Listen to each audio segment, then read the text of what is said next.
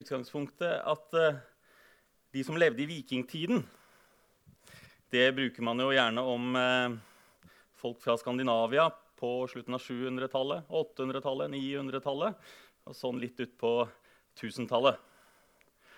Eh, de visste jo selvfølgelig ikke at de bodde, levde i vikingtiden. Det var ingenting som het vikingtiden i vikingtiden. Men vi skal komme litt inn på hva det egentlig betyr. Vikingtiden er jo funnet opp av historikere som meg selv, bare på, på 1800-tallet.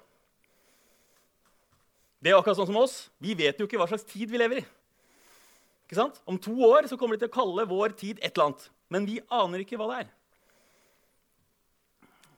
Men for å illustrere vikingtiden så skal jeg vise tre scener fra Nei, fire scener skal jeg vise. Fra tre bøker som jeg har skrevet. Det er først den siste, 'Jakten på Olav Tryggvason', altså en norsk konge på slutten av 900-tallet. eller andre halvpart av 900-tallet.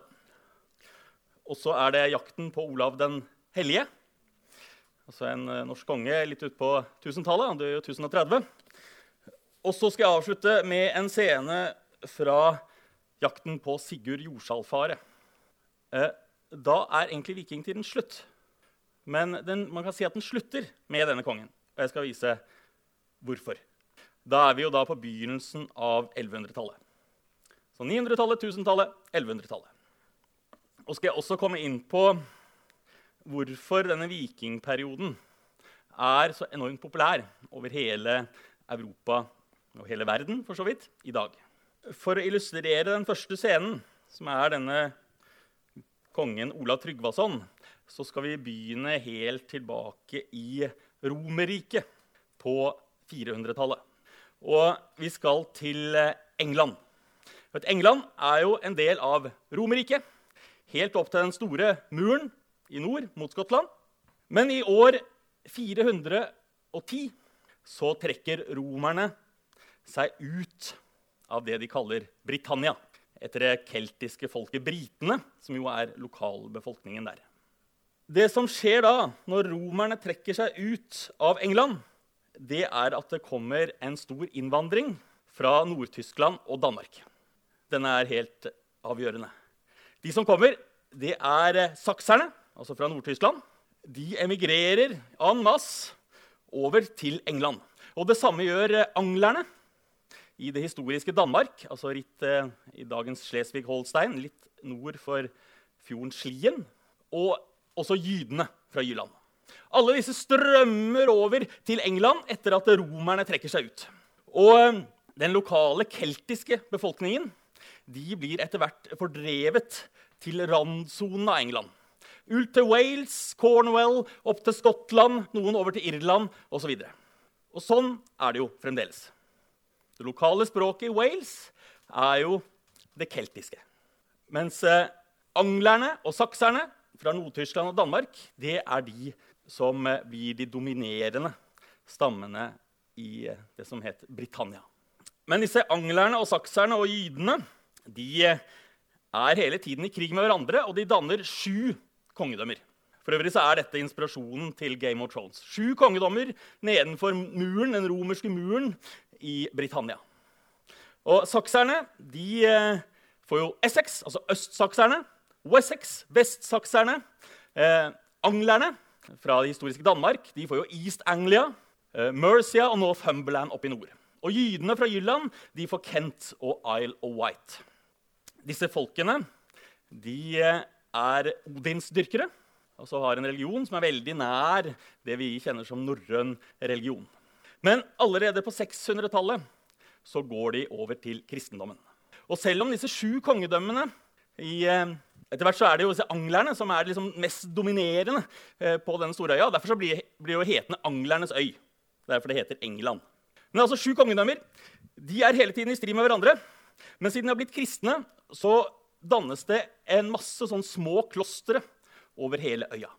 Og disse klostrene er det som utløser det vi kaller vikingtiden. Fordi folk fra Skandinavia på 700-tallet de, eh, deltar i handel med England.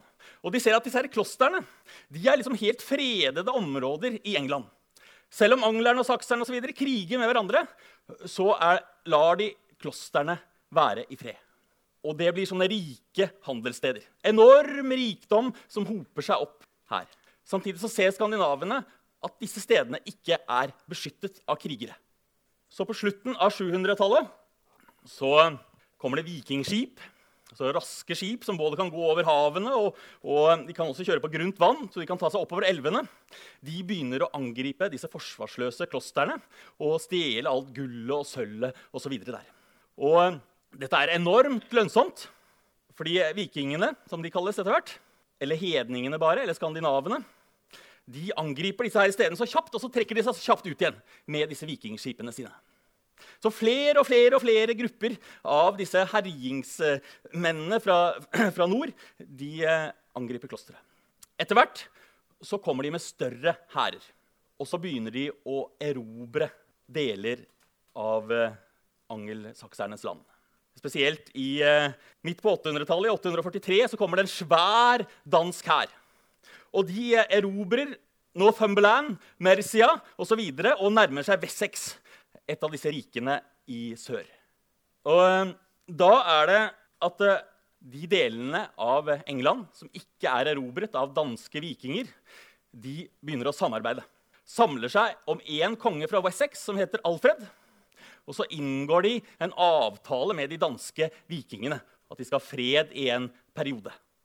Og så samler disse engelskmennene seg, klarer å få opp en svær krigsstyrke. Og så jager de danskene ut. Og så blir det ett England under én konge fra Wessex, som heter Alfred. Og På begynnelsen av 900-tallet så er eh, England blitt samlet pga. vikingene. Og så er det fredelig, mer eller mindre, i hvert fall i sør, i flere generasjoner. Og da er det vi kaller den første vikingtiden over. Men det jeg skal inn på nå, det er det vi kaller den andre vikingtiden. Og den eh, begynner på 990-tallet. Det er eh, i begynnelsen av eh, Da skal vi til eh, begynnelsen av august i 991. Altså i England, som er samlet, og der det har vært fredelig i to generasjoner. Da dundrer det 93 vikingskip over kanalen fra Frankrike. Og det er en stor danehær. Og den er ledet av en litt mystisk konge som man egentlig ikke vet hvor kommer fra, som heter Olav Tryggvason. Senere så går det rykter og så videre, at han kommer fra Russland, men han leder i hvert fall en dansk hær. Eh, de tar seg over til Sandwich og eh, herjer i flere små landsbyer. I Sandwich, Folkestone. De tar seg over kysten av England, til Ipswich i East Anglia. Og så ned igjen og inn en elv til et sted som heter Malden, som i dag er ca. en times kjøretur øst for London. Og eh, I et elvebasseng der så slår denne danehæren seg ned på en øy. Og For å vise denne scenen så kan vi si at uh, den opp, scenen jeg står på, det er denne øya, som heter Nordy Island. Her er det ca. to km fra den ene siden til den andre. Og Vikingene slår seg ned på denne øya. Mellom dem og fastlandet så går det en elv som heter Panta. Eh, deler av døgnet er det bare litt vann her, men når eh, tidevannet stiger, så er det ca. 100 meter fra øya og over til fastlandet. Og så kan vi si at eh, jeg er vikingene, og dere er angelsakserne. Jeg da, med Olav Tryggvason i spissen, slår seg ned på den øya. Og dette er helt typisk vikingene. De slår seg ned på øyer utafor fastlandet. Og så forankrer de 93 vikingskipene på andre sida. Der det hele tiden, når som helst, kjapt kan stikke av til havs. Mannskapet om bord på disse 93 skipene er ikke mindre enn 4000. Så 4000 camper på den øya. Vikingene er eksperter på camping. De slår opp eh, telt. En del sover om bord på skipene under sånne linseil. Og de eh, setter opp masse ildsteder Har med seg Det er jo det at du kan tenke deg selv altså Når du skal reise rundt med 4000, så gir det faktisk sånne enorme praktiske utfordringer. Det er jo som, eh, Du skal jo da eh, tenke dere at dere skal servere middag til et fullsatt Oslo Spektrum hver dag. Ofte så tenker man seg jo at alle disse vikingene var sånne barske krigere og mannfolk. Men det stemmer selvfølgelig ikke. Et sånt viking, som det, eh, eh, vikingfelttog som dette her, med 4000 Vi vet at det besto av to mennesketyper fra en, fra, en senere, fra en, kontrakt som disse inngår litt senere. De er daner. Og danene, altså danskene, ledet av Olav Tryggvason, de er bare menn. Og så er det slaver, som er den andre mennesketypen, og det er både kvinner og menn. Så vi må se for seg her at det er omtrent 2000 eh, kanskje, eh, vikinger eller daner og 2000 slaver. Og alt dette her å lage mat og fyre opp og slå opp camp og alt det praktiske arbeidet Bare skaffe vann til 4000. Kjempeutfordring. Det er det slavene som utfører. Og slavene i de skandinaviske lovene så har de samme status som husdyrene. Altså dreper eh, eh, jeg slaven til en av de andre høvdingene, så må jeg bøte akkurat det samme som hvis jeg hadde drept en ku. Og da er det ikke noe mer å snakke om det. Så det er, eh, Men altså 4000. På denne tiden så er det bare fem byer i England som har en større befolkning i dette. Det er i virkeligheten en svær by som slår seg ned på denne lille øya. Og mellom vikingene, meg og dere, så går det en romersk vei over. Altså disse 100 meterne mellom øya og fastlandet. Dette er i Essex. Og den øverste mannen blant angelsakserne, altså blant dere, i Essex, det er en spesiell kar som heter Byrtnot. Jarl Byrtnot. Han er veldig lett gjenkjennelig fordi han er to meter høy. Altså I et samfunn der snitthøyden blant menn er ca. 1,63. Han er 70 år gammel og har et kraftig svanehvitt hår. Han samler sammen sin egen hird og også alle bondesoldatene i Essex. Antageligvis er de også flere tusen. Og så rir de av gårde nedover mot elva Panta og mot den øya der vikingene er. Siden det har vært eh, fred mer eller mindre i England i to generasjoner, så er det masse av disse bondesoldatene de har aldri vært i krig tidligere. Og når de rir nedover åsen og ser ned mot denne øya, man kan antagelig se at det er tusenvis av vikinger der, så er de livredde. Når de kommer fram til elva, så eh, roper Byrtnot, jarlen, lederen deres, til alle at de skal jage vekk hestene sine. Og Det sies å være fordi at han var redd at når kampene begynte, så ville de ta hestene og flykte vekk fra slaget. Så at de ikke skal ha den muligheten, så må alle jage hestene sine innover beitemarkene. langt innover. Den eneste som beholder hesten, det er den angelsaksiske, eller engelske jarlen selv, Byrtnot. Og han rir fram og tilbake og instruerer alle soldatene hvordan de skal, hvordan de skal stilles opp. Så står de der og venter. Hos meg på øya så står det en vaktpost akkurat der veien kommer over. Og eh, folk fra denne vaktposten de løper de to kilometerne over til hovedleiren på andre sida av øya, vekker Olav Tryggvason og sier at den angelsaksiske hæren har kommet. Og eh, Olav Tryggvason bestemmer at et sendebud skal sendes over for å forhandle med dere. Sendebudet kommer ut, han går litt ut på veien. Og også Byrtnot går fram mot veien. Og så roper sendebudet fra vikingene til angelsakserne. For det som er jo sentralt her med disse vikingene De kalles faktisk vikinger blant angelsakserne. Eh, vi vet ikke helt hvor det ordet kommer fra, men det brukes bare parallelt med eh, samme som også vil bli kalt pirater. Det er akkurat det samme. Eh, og det er ikke spesielt bare skandinaver. Også folk fra Afrika kan kalles uh, vikinger i, i, samtiden. Det er bare et ord som, som, brukes om pirater. Man kan lure på, Når de kommer med 4000, hva er det de vil? Hva er formålet her? Jo, sendebud til Ola Tryggvason han roper over til Byrtnot. De tapre sjøfarerne har sendt meg. Altså Tapre sjøfarerne det er da vikingenes eget navn på seg selv. De tapre sjøfarerne har sendt meg.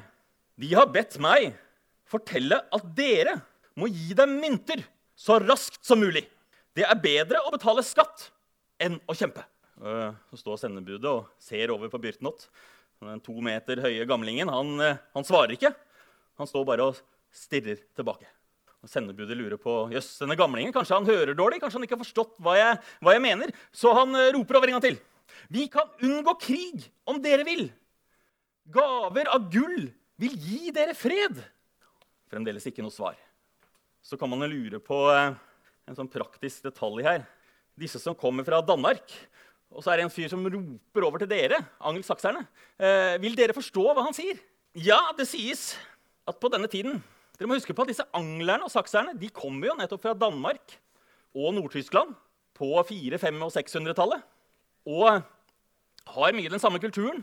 Så hvis dette sendebudet snakker veldig sakte, så vil antagelig dere kunne forstå hva som sies. Språkene er så nære hverandre. Men er det også sannsynlig at denne her, det sendebudet også behersker angelsaksisk? Men i hvert fall så får han ikke noe svar av Byrtnot på andre sida. Så han eh, roper en tredje gang, og så vil han gjøre dette enda tydeligere, så denne gamlingen forstår hva som menes. Han roper, 'Du kan kjøpe fri folket ditt' om vikinghæren får en erstatning for den freden som vi kan skjenke til dere. Vi tar med oss myntene om bord på skipene, seiler av gårde, og så lar vi dere gå. Det er ganske frekt, ikke sant? Her kommer tydeligvis i krigers øyemed, og så sier han at uh, han kan skjenke dere freden. Men uh, til forskjell fra hva man ofte tror, i hvert fall i denne perioden på 900- og 1000-tallet, så er ikke vikingene interessert i å slåss. De skal ikke krige. Vi skal ikke erobre noe. De har bare ett formål gull og sølv. Og det vil de ha så enkelt som mulig, helst uten å slåss. Så dette er en helt typisk vikingscene. En viking som står og sier at eh, Betal oss så og så mye, ellers angriper vi. Eh, det er bedre å bare gi oss penga med en gang, ellers så dør dere, og så får vi penga likevel. Hele tiden skjer det. Hele tiden. Men eh, nå svarer deres leder Byrtnot. Han ser over på sendebudet, og så plutselig så reiser han skjoldet, været, skjoldet sitt i været med den venstre hånden. Og så hytter han sverdet opp og ned med den høyre hånden sin. Og så ser han tilbake på alle soldatene sine og nikker til dem, og de gjør det samme. Tusenvis av mann. Opp med skjoldene, opp og ned med sverdene sine. Og så roper han over til sendebud til Olav Tryggvason. Sjømann! Skjønner du hva folket svarer? Spyd skal dere få i skatte fra oss. Sverd og andre våpen skal dere få. I en gaveutveksling som vil gi liten glede. Du, som er bølgemennenes budbringer, skal ta med deg et barskere budskap tilbake til folket ditt. Her står en mann og hans hær rede til strid for kong Ethered. Ethered var en V6-konge som styrte over England på den tiden. Han er eh, tippoldebarnet den Alfred som samlet England. Her står en mann og hans hær rede til strid for kong Ethered, for folket og for jorden. Mange i hedningehæren deres vil falle. Det vil være synd om dere reiste av gårde med skattene uten sverdslag, etter alt besværet dere har hatt med å komme helt hit til vårt land. Ja vel. Sendebudet han eh, skjønner budskapet.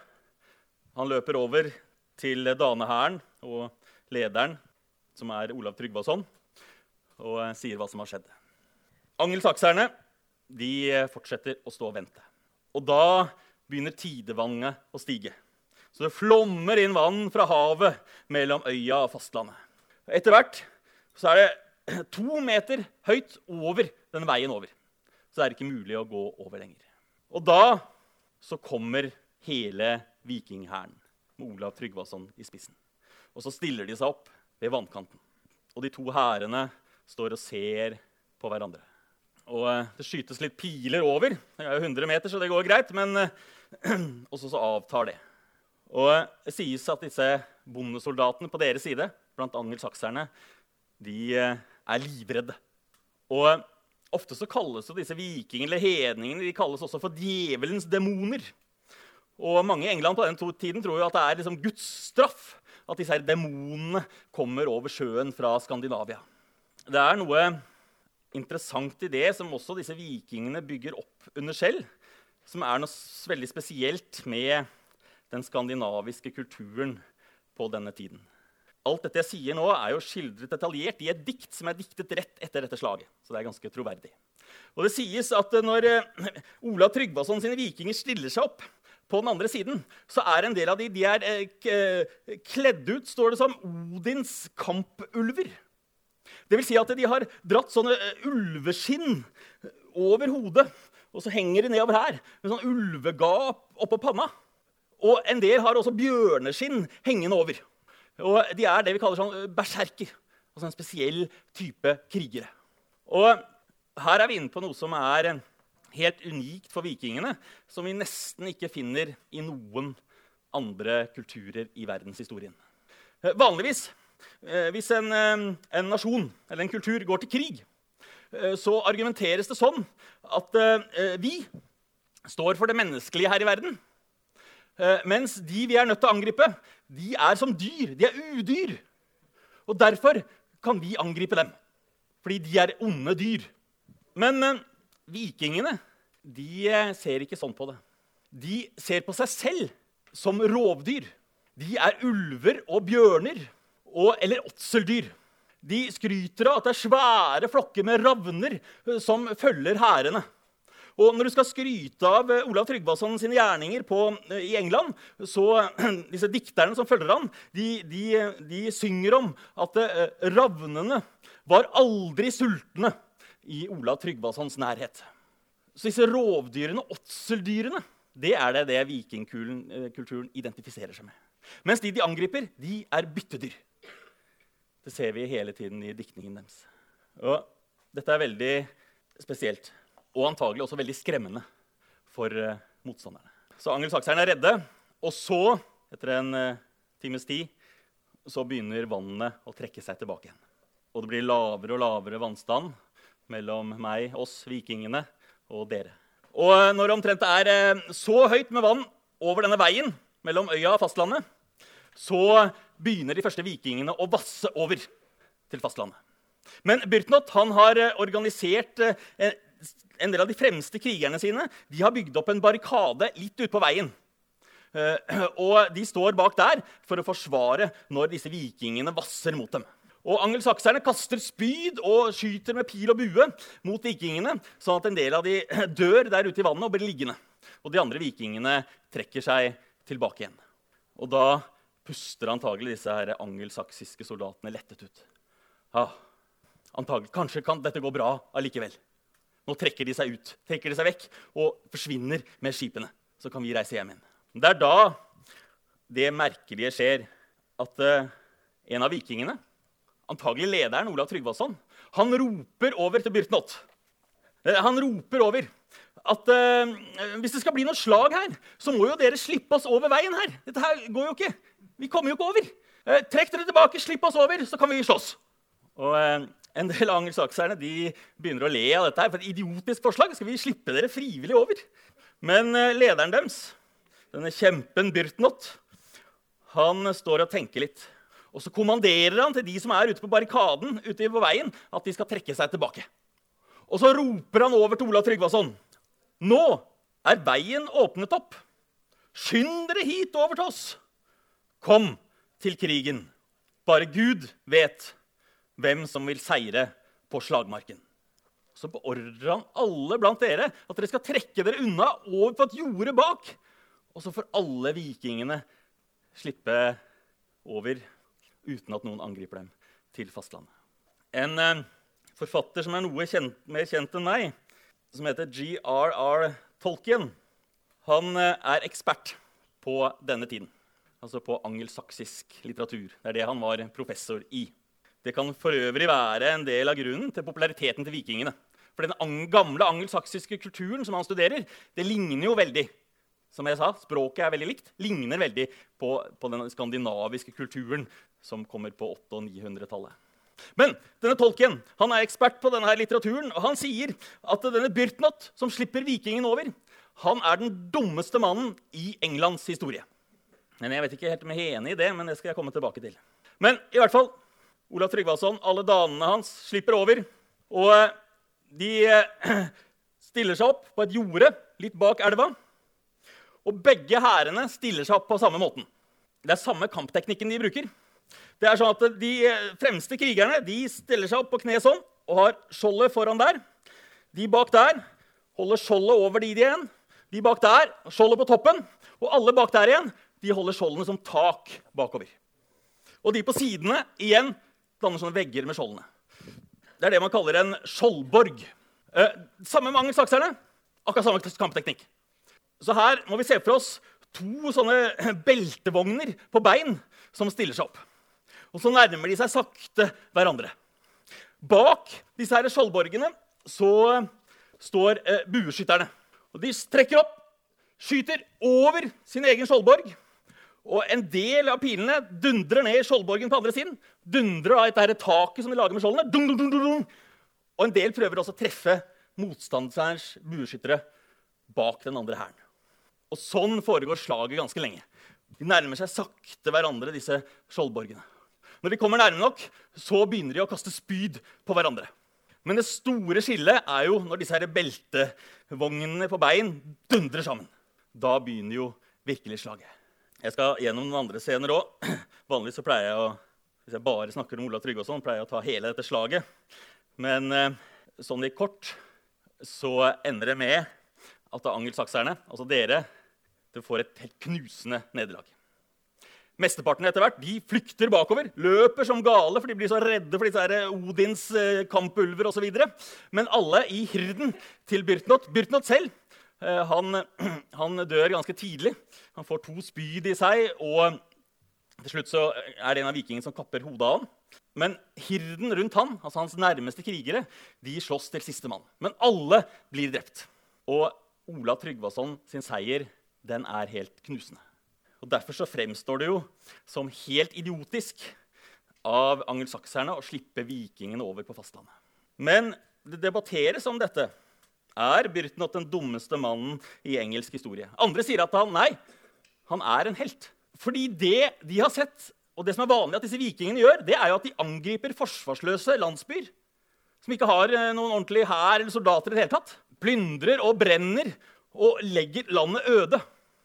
Det Byrtnot tenker, er at eh, nå har vi muligheten med en svær hær til å slåss mot disse vikingene. Vi kan ikke bare trekke oss tilbake og la lokalbefolkningen i landsby etter landsby etter landsby unngjelde. Det er vi som må stå opp mot disse. Vi er landets soldater. Men eh, det mislykkes jo. Og det som skjer videre, er jo antagelig det Byrtnot har frykta. Vikingene, danene, de eh, begynner og tar landsby etter landsby etter landsby etter dette slaget. Og herjer grusomt, brenner ned alt, dreper sivilbefolkningen. Tar ut alt som er av rikdommer fra alle husene vi kommer over. Og til slutt så er det faktisk biskopen i Kent, i Canterbury, en mann som heter Sigrik, han sier at vi kan ikke la dette fortsette. Vi må velge den andre strategien. Så han forhandler med Olav Tryggvason og hans vikinger. Og så sier biskopen at uh, dere skal få 10 000 pund med sølv. Uh, det vil tilsvare 3,3 tonn. Og så skal dere få en hel øy som dere kan bo på. Nå nærmer seg vinteren. Og så skal vi forsyne dere med mat og drikke, alt dere vil ha, gjennom hele vinteren. Og det er jo akkurat dette vikingene ønsker. At de kan ligge helt i ro og så kan de få akkurat like mye både av mat og drikke og sølv og gull som om de hadde plyndra fra landsby til landsby til landsby. Så de slår seg eh, til ro på en øy utenfor munningen av Themsen. Våren etter så prøver eh, angelsakserne å lure dem i en felle, men mislykkes. Men Ola Tryggvason og hans menn de reiser nordover i landet og herjer der isteden. Noen år etterpå så kommer de tilbake igjen, og da seiler de innover Themsen og så angriper de den største byen i England, som er London. Dette høres jo veldig imponerende ut, men det vi huske på, er at uh, dette er et helt annet Europa enn det vi er vant til. Uh, en del sammenligner Europa på denne tiden, altså slutten av 900-tallet, som uh, ja, litt sånn Afrika sør for Sahara på 1800-tallet. eller noe sånt. Noe. Et helt sånn usivilisert område. Og De begrunner det med at det finnes egentlig ingen byer, ingen store byer i hele dette området som er Europa. Eh, den aller største byen er kanskje, er kanskje Paris, med 30 000 innbyggere. Altså Kongsberg. Det er Europas største by. Eh, England eh, og London når det var en del av Romerriket, så hadde kanskje denne byen 80 000 innbyggere. Når Olav Tryggvason angriper, så er det ca. 10 000. Ikke sant? Så dette er som å angripe Flekkefjord eller noe sånt. Nå. Det er helt andre forhold enn det vi er vant til i dag. Men det som er at London har en diger mur rundt seg, nettopp bygd i romertiden. Eh, sånn at, eh, og de har et veldig godt forsvar oppå den svære muren. Så Olav Tryggvason og han menn de klarer ikke å komme seg over. Og de får for mange tap ved murene. De står og heller olje ned på dem og kaster spyd ned osv. Og det som skjer, er at de trekker seg tilbake. med nå 94 vikingskip. Men nå står det i de angelsaksiske krønikene at nå er de dyktig forbanna. Og eh, de slår seg til på en øy, men de sender stor del av hæren opp på land. Og så får de seg hester, og så rir de innover i landet i England. Og så plyndrer de fra landsby til landsby til landsby. Og det skildres at de sparer ingen. Verken barn eller kvinner eller noen. Alle jages ut av husene sine, samles sammen på torget og slaktes ned. Og så brenner de alle husene til slutt, etter å ha robbet alt av rikdom. Til slutt så finner eh, kongen i landet Ethelred ut at dette kan han ikke sitte og stille og se på. Så han vil nok en gang ha forhandlinger. Og nå tilbyr han dem en hel by å bo i, disse vikingene. De skal få Southampton og bo igjennom hele vinteren. Og så skal de få nå eh, 16 000 pund med sølv. Altså fem tonn i tillegg til de tre tonnene de har fått fra før. Olav Tryggvason og danene, og nå har de også med seg en dansk konge som heter Svein Tjugeskjegg, de sier ja til dette. Så slår de seg til i denne byen Southampton. Men så finner kong Ethered ut at han kan ikke bare gjøre dette. Han må gjøre mer for å kvitte seg med dette vikingproblemet. Og det han gjør, er at han, han sender en er, biskop, hoffbiskopen sin, som heter Alfea, sammen med en adelsmann som heter en jarl, som heter Athelward, til Southampton. Og så ber han Olav Tryggvason og to andre høvdinger om å bli med seg på forhandlinger inne i England. Og det som skjer, er at de utveksler gisler for sikkerhet. Og så rir de innover opp til Andover, der det er en jakthytte. Der møter Olav Tryggvason altså den engelske kongen Etherred. Og eh, De jakter villsvin sammen i skogene og spiser sammen en sånn svær hall. Og prøver å sosialisere og bli kjent med hverandre. Og denne Biskopen han finner etter hvert ut, han tenker jo at disse her er hedninger, de kalles jo hedninger, men finner ut at alle disse her danskene også Olav Tryggvason, har mottatt dåpen fra før. De er egentlig kristne, disse vikingene. Men han er ikke konfirmert. Så biskopen finner ut at eh, han skal konfirmere Ola Tryggvason. For det er også en liten kirke oppe ved denne jakthytta i Andover. Og så skal kong Ethelred han skal bli gudfaren og stå som fadder for Ola Tryggvason i denne dåpen. Så inne i denne lille kirka så skjer noe helt avgjørende i vikinghistorien og i norsk historie. Den engelske kongen leder Ola Tryggvason oppover midtgangen. Og det står at han adopterer Ola Tryggvason og han blir hans sønn. Og det å være gudfar i dag jo, betyr jo ingenting, men på denne tiden så er det faktisk et reelt slektskap. Uh, oppe ved alteret gjennomfører biskop Alfea et uh, langt rituale med Olav Tryggvason, som står naken under en sånn hvit kjortel. Og så avslutter han ritualet med å tegne et kors i panna på Olav Tryggvason med krisma, altså en blanding av balsam av olje, som også skal inneholde Den hellige ånd. Og så knytes det et klede rundt hodet til Olav Tryggvason som han skal ha på i flere dager, sånn at denne krismaen skal synke inn i hodet hans med Den hellige ånd. Etterpå så inngår den engelske kongen og Olav en lang kontrakt. Den kan vi fremdeles lese. Den eksisterer fremdeles. Som skal regulere forholdet mellom vikingene og angelsakserne i England. Og blant annet eh, så står det masse om, eh, om, hva de skal gjøre hvis en engelskmann dreper en viking osv. Men det viktige er at vikingene skal nå være leiesoldater og forsvare England for Ethelred og kjempe mot hans fiender. Og I tillegg til de åtte tonnene med sølv de allerede har fått, eh, så får de nå ytterligere 22 000 pund. Så til sammen så har de fått utbetalt 16 tonn med sølv, disse vikingene. Og Dette fungerer på denne måten noen år. Og Vi ser nå at eh, Olav Tryggvason slåss for kong Ethelred. For han slåss nå mot disse kelterne i Wales og Skottland og Irland osv. Men så finner han ut hva skal han bruke med disse enorme rikdommene sine. Jo, han reiser til norskekysten, og så kjøper han opp så mange høvdinger at han blir konge over hele denne kyststrekningen. Og han blir norsk konge. Og han har med seg prester fra kong Ethelred og er jo hans gudsønn. Og dette bidrar voldsomt til samlingen av denne kyststrekningen, som vi i dag kaller Norge, og at kristendommen kommer hit. Men så en eh, episode til, hvis vi flytter oss litt lenger opp i historien. Fremdeles i England. England er veldig sentralt i vikingtiden. Nettopp fordi de er søkkrike. Det er de store rikdommene er. Vi skal flytte oss fram til 1011. Eh, og nå er vi over denne boken Olav den hellige. Altså Olav Haraldsson. Mange blander jo Olav Tryggvason, det er jo han som er på 900-tallet og bringer kristendommen først til Norge. Eh, Olav Haraldsson han er ikke slekt med Olav Tryggvason, men han har en, en, karriere som er veldig lik. Og også veldig, på en måte veldig ulik, hvis vi ser på etter døden hans. Men vi er nå i 27. september i 1011.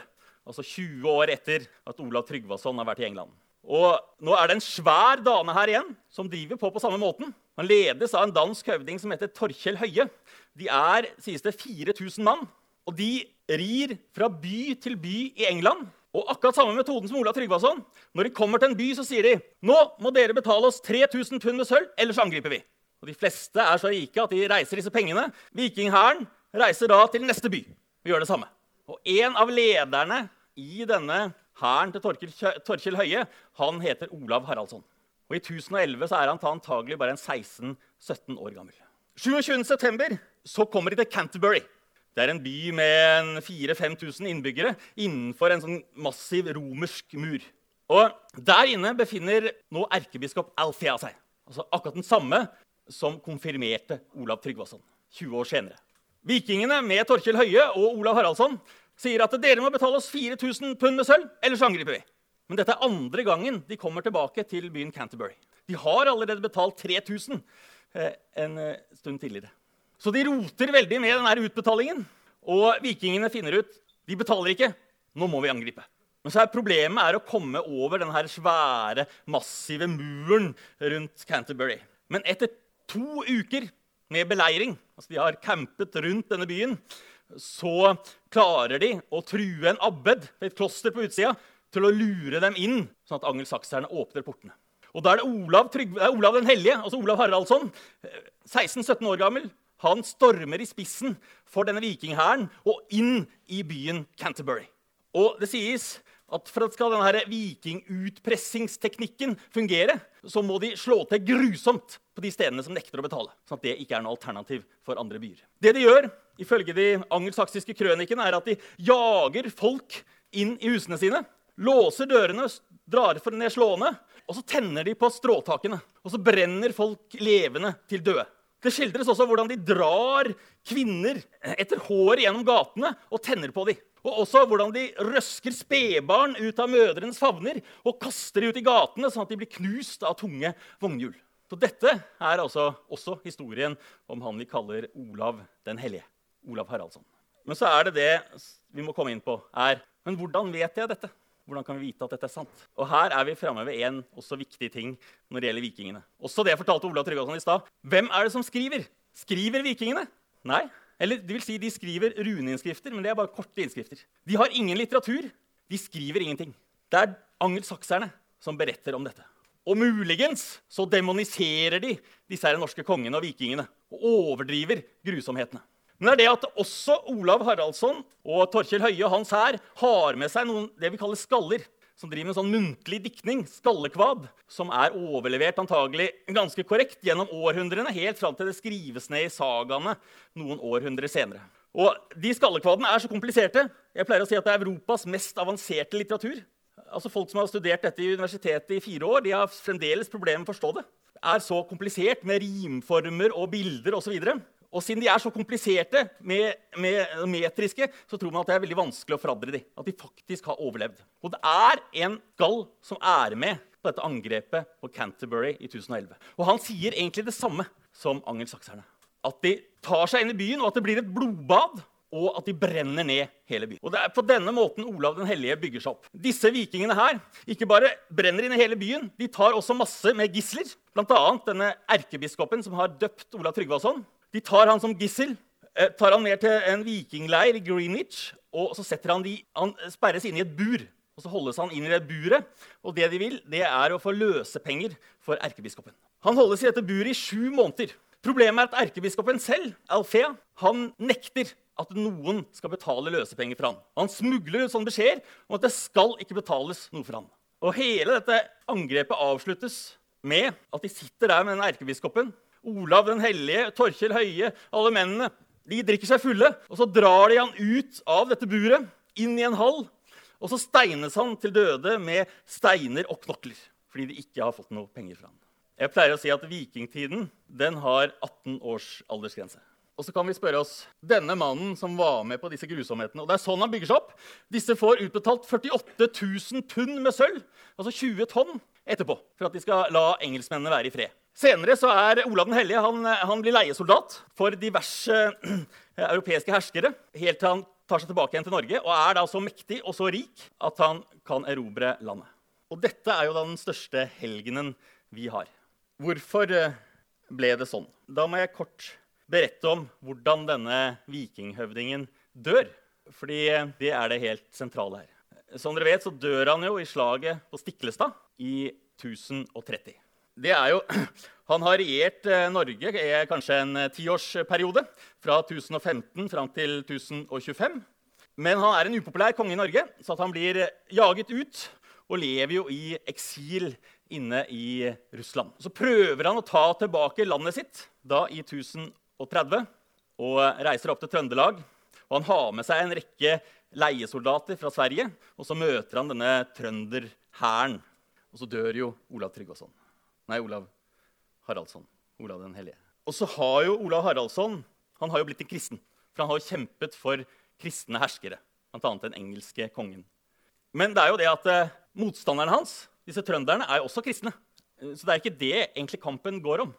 Og eh, den offisielle historien som vi kjenner om dette slaget på Stiklestad, der eh, Olav Haraldsson møter trønderne, det er jo skrevet av Snorre Sturlason 200 år etterpå. Altså dette er i 1030, og så er det skrevet om i 1230. Og hvordan denne mannen ble en helgen, det ser vi når vi ser denne offisielle historien om slaget på Stiklestad. Fordi når de begynner å slåss, så vet vi ikke hvor mange de er, men eh, det står at Olav den hellige og hans menn Olav Haraldsson, de er halvparten så mange som trønderhæren. Og de begynner å slåss midt på dagen. Klokka er tolv. Og så forsvinner solen fra en skyfri himmel, skriver eh, Snorre Sturlason. Og så slåss de i tre timer i mørket midt på dagen. Og så får eh, Olav Haraldsson han får et, et, stygt slag i leggen av en som heter Torstein Knarresmed. Og eh, Han klarer ikke å gå lenger egentlig, og, og, bare hinker bortover og kaster fra seg sverdet og ber Gud om å hjelpe seg. Og Så kommer det en kar som heter Tore Hund fra Nord-Norge og stikker et spyd opp i magen på Olav Haraldsson. Og Det er antagelig dødsstøtet. Men i tillegg så kommer det en som heter Kalv og dundrer til med øks i halsen hans. Du har kanskje lurt på hvorfor Den norske kirke har en øks i riksvåpenet sitt. Det er utelukkende fordi det, det, er det som er regnet som drapsvåpenet på Olav Haraldsson så er Olav Haraldsson død. Klokken er tre, det har gått tre timer, og da kommer solen frem igjen, ifølge Snorre Sturlason. Og Tore Hund, som antagelig er drapsmannen her, da, eh, han har fått et fryktelig stygt sår på hånden sin i løpet av dette slaget på Stiklestad. Men han går bort til kong Olav, og så stryker han hånda si over ansiktet hans. Og Så renner det blod fra Olav ned på hånda til Tore Hund, og så gror dette såret på mirakuløst vis, ifølge Snorre. Etterpå så bærer de Olav eh, inn i et skur i nærheten av slagsplassen, og så vaskes han. Og da renner en blanding av blodet hans og vann ned på gulvet i dette skuret. Og På natta så kommer det en blind mann han forvirrer seg inn i dette skuret. og Så snubler han og detter på gulvet, og så får han dette klisset på hendene. blandingen av blod og vann, og Så tar han seg til øynene, og så ser han helt perfekt. Ifølge Snorre. Det er jo det at eh, denne fortellingen den offisielle fortellingen om slaget på Stiklestad den er jo velkjent. Fordi dette er den mest kjente historien i vår kultur. Måten Olav den hellige faller på. Fordi når Jesus ble hengt opp på korset på Golgata, så var det gått seks timer etter soloppgang. Klokken var tolv. Og så forsvant solen fra en skyfri himmel. Så hang han der i tre timer, og så regna han at han var død. Og solen kom frem igjen. Og så var det en, en, soldat, en romersk soldat som het eh, Longinius. Han var veldig svaksynt. Han sto der som vakt. Og Han gikk bort til Jesus med en lang lanse. og Så stakk han denne lansen opp i magen eller opp i sida på Jesus. Og så rant en blanding av vann og blod ut av kroppen til Jesus nedover denne lansen.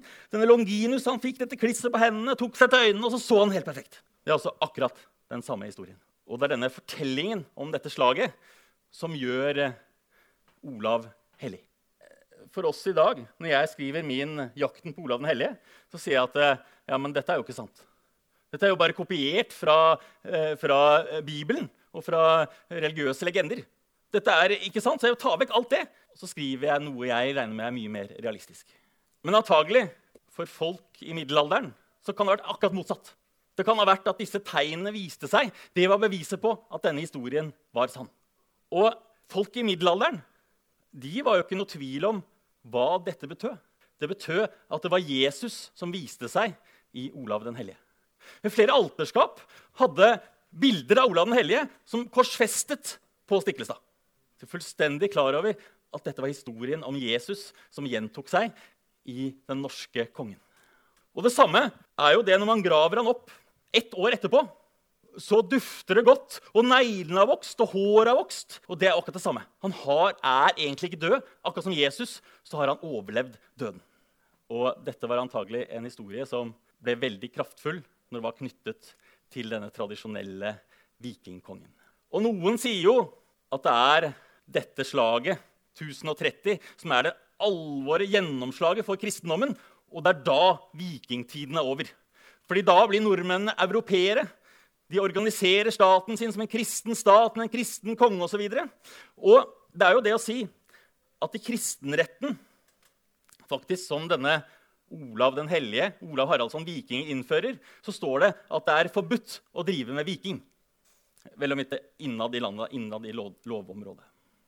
Nå skal jeg til slutt ta en, eh, en åpningssekvens fra den tredje boken jeg har skrevet om disse kongene, som jeg mener beviser at nå er vikingtiden over.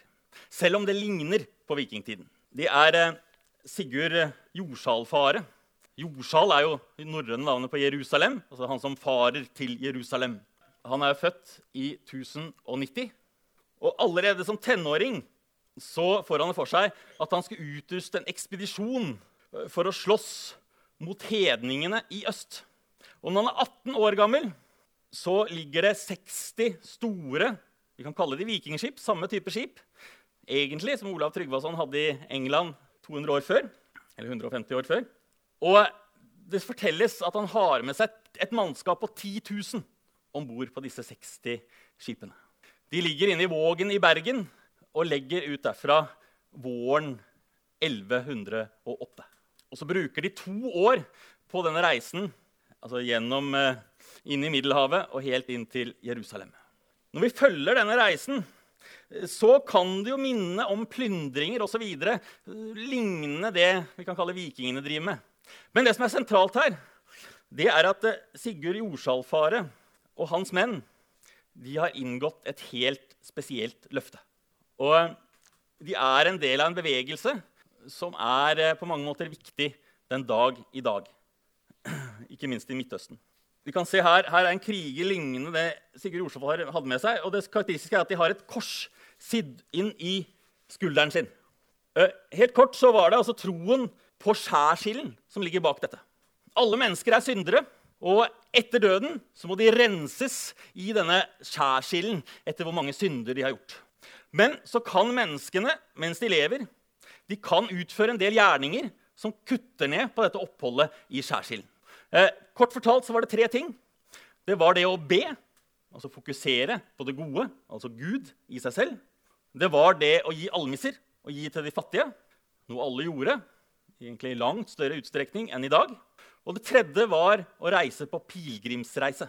Altså reise til steder som gjorde at en satte seg selv inn i en mye større sammenheng i forhold til Gud. Det kunne være Roma, Santiago de Compostela, altså steder der det lå hellige personer. Akkurat som Olav den hellige. Kunne også reise på pilegrimsreise til Olav sitt lik i Trondheim. Aller best var det å reise til Jerusalem. Men når Sigurd Jordsalfaret, som 18-åring i 1108 reiser av gårde, så er han pilegrim. Han skal til Jerusalem. Men så er han en del av en bevegelse som har utvidet dette pilegrimsperspektivet. Det var egentlig mye for å løse et problem i Europa på denne tiden. Fordi Gud sa jo at du skulle ikke drepe. Men alle kongene måtte jo være store krigere. Og Det er da paven noen år tidligere han har eh, oppfunnet noe nytt.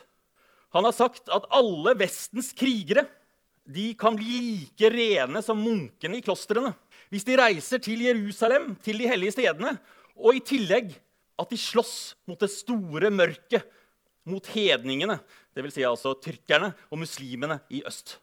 Og Hvis de lover det, så skal de få kuttet ned på enormt mange dager i oppholden i skjærsilden etter døden. Og dette er det første eksempelet på det vi kaller eh, hellig krig i Vesten. Og du kan bli frelst gjennom å være soldat. Du kan bli frelst gjennom å drepe. Det har aldri vært tilfellet tidligere i kristendommen. Og disse mennene de får skydd korset på skulderen. fordi akkurat som Jesus så skal de ta korset oppå her, og så skal de være villige til å ofre livet sitt for sannheten. Det er det denne mannen gjør. Han reiser ikke ut for å herje. Og når han herjer, så er det bl.a. så slåss han mot vikinger. står det i en av skallene sier, utenfor Afrika, men det er egentlig nordafrikanske vikinger, så er det jo for å slåss mot hedninger. Og, og han erobrer også en by, Sidon, i dagens Libanon, og jager vekk alle muslimene fra denne byen.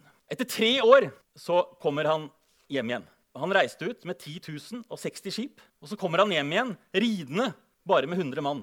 Alle skipene er borte. Og så skildres han etter hvert også som mer og mer gal. Men han regnes allikevel som en av de største heltene i den tidlige kristne historien. Ikke minst fordi han har fått med seg én spesiell ting, som er kanskje det mest verdifulle som finnes i verden på den tiden. Han har fått med seg en splint av Jesu kors. Og når kongene skal krones i fremtiden etter Sigurd Jordsalfaret, så er det to ting som må bæres ut, som de må ha ved sin side. De må ha den døde kroppen til Olav den hellige, vikingkongen som overlevde døden. Og de må ha dette korset som Sigurd Jordsalfaret har hatt med seg fra Jerusalem. Det er de to helligste gjenstandene i Norge. Da er også denne vikingtiden omformet fra en hedensk førkristen periode til en kristen stat. Hvorfor er eh, dette så spennende? Ja, jeg tror det er at uh, denne mytologien, denne troen, uh, dette språket som knyttes til disse vikingene før de blir kristne, det er jo det samme som angelsakserne har hatt i England. Det er derfor tolken sier at dette er en mytologi for England. Egentlig så er jo det den samme kulturen som vikingene. Det samme er jo germanerne i Europa. Når de angriper Romerriket, så er det jo denne kulturen som også ligger under der. Men så forstår vi egentlig ikke helt hva dette Vi klarer ikke å begripe akkurat akkurat hva dette går ut på. og Derfor så har det en sånn mystisk dragning mot oss. Og så er disse vikingene tilsynelatende så annerledes enn oss, noe som gjør det veldig dragende og skummelt. F.eks. når de gravlegger en stor mann, så slakter de ned 20 hester og legger i grava sammen med den. Hva er det det dreier seg om? Nei, vi vet ikke. Det er sånn mystisk og skremmende. Og så er det fortiden, ikke bare til oss, men til angelsakserne og til hele det som romerne kalte Germania. Så der tror jeg denne dragningen vår ligger. Så jeg må klare å benytte anledningen til å si Takk for meg. Takk for at det, det var et så lyttende publikum. Takk.